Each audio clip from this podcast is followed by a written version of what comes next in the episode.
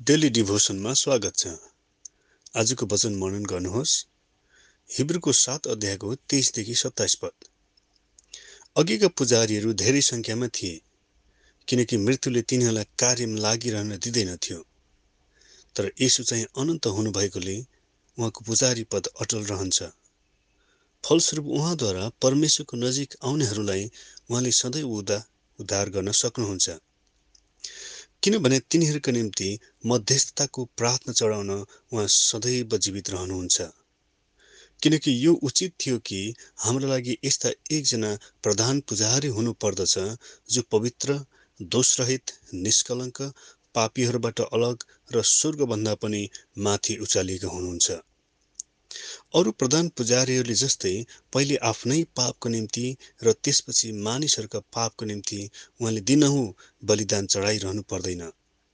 आफैलाई अर्पण गरेर उहाँले यो काम सधैँको निम्ति एकैपल्टमा पुरा गरिदिनु भयो पुरानो करारका पुजारीहरू कमजोर र दुर्बलता भएकोले उनीहरू सिद्ध बन्न सकेनन्।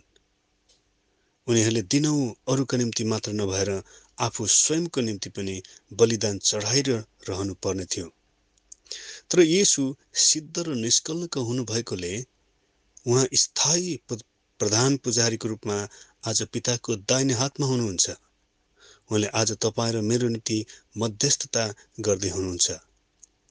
यसुको बलिदान सधैँको निम्ति एकै पटक गरिएको बलिदान थियो। अरूले प्राणीहरूको बलिदान दिए तर यसुले आफैलाई क्रुसमा बलिदान गर्नुभयो।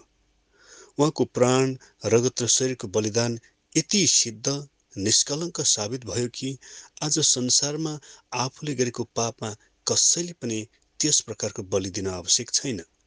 केवल यशुलको बलिदानलाई स्वीकार्नु र सम्झनु मात्र पर्दछ। उहाँको बलि सधैँको निम्ति एकपटक भएकोले उहाँ सधैँको निम्ति मध्यस्थता गर्नुहुन्छ। उहाँ हाम्रो पापको प्रायश्चित गरिदिन को निम्ति सधैँको प्रधान पुजारी हुनुहुन्छ। सधैँको निम्ति अटल हुनुभएको हुनाले तपाईँलाई सदैव उद्धार गर्न सक्नुहुन्छ। तपाईँको स्वर्गीय उद्धार त छँदैछ यस पृथ्वीमा पनि यसुले सदैव उद्धार गर्न सक्नुहुन्छ। आमेन।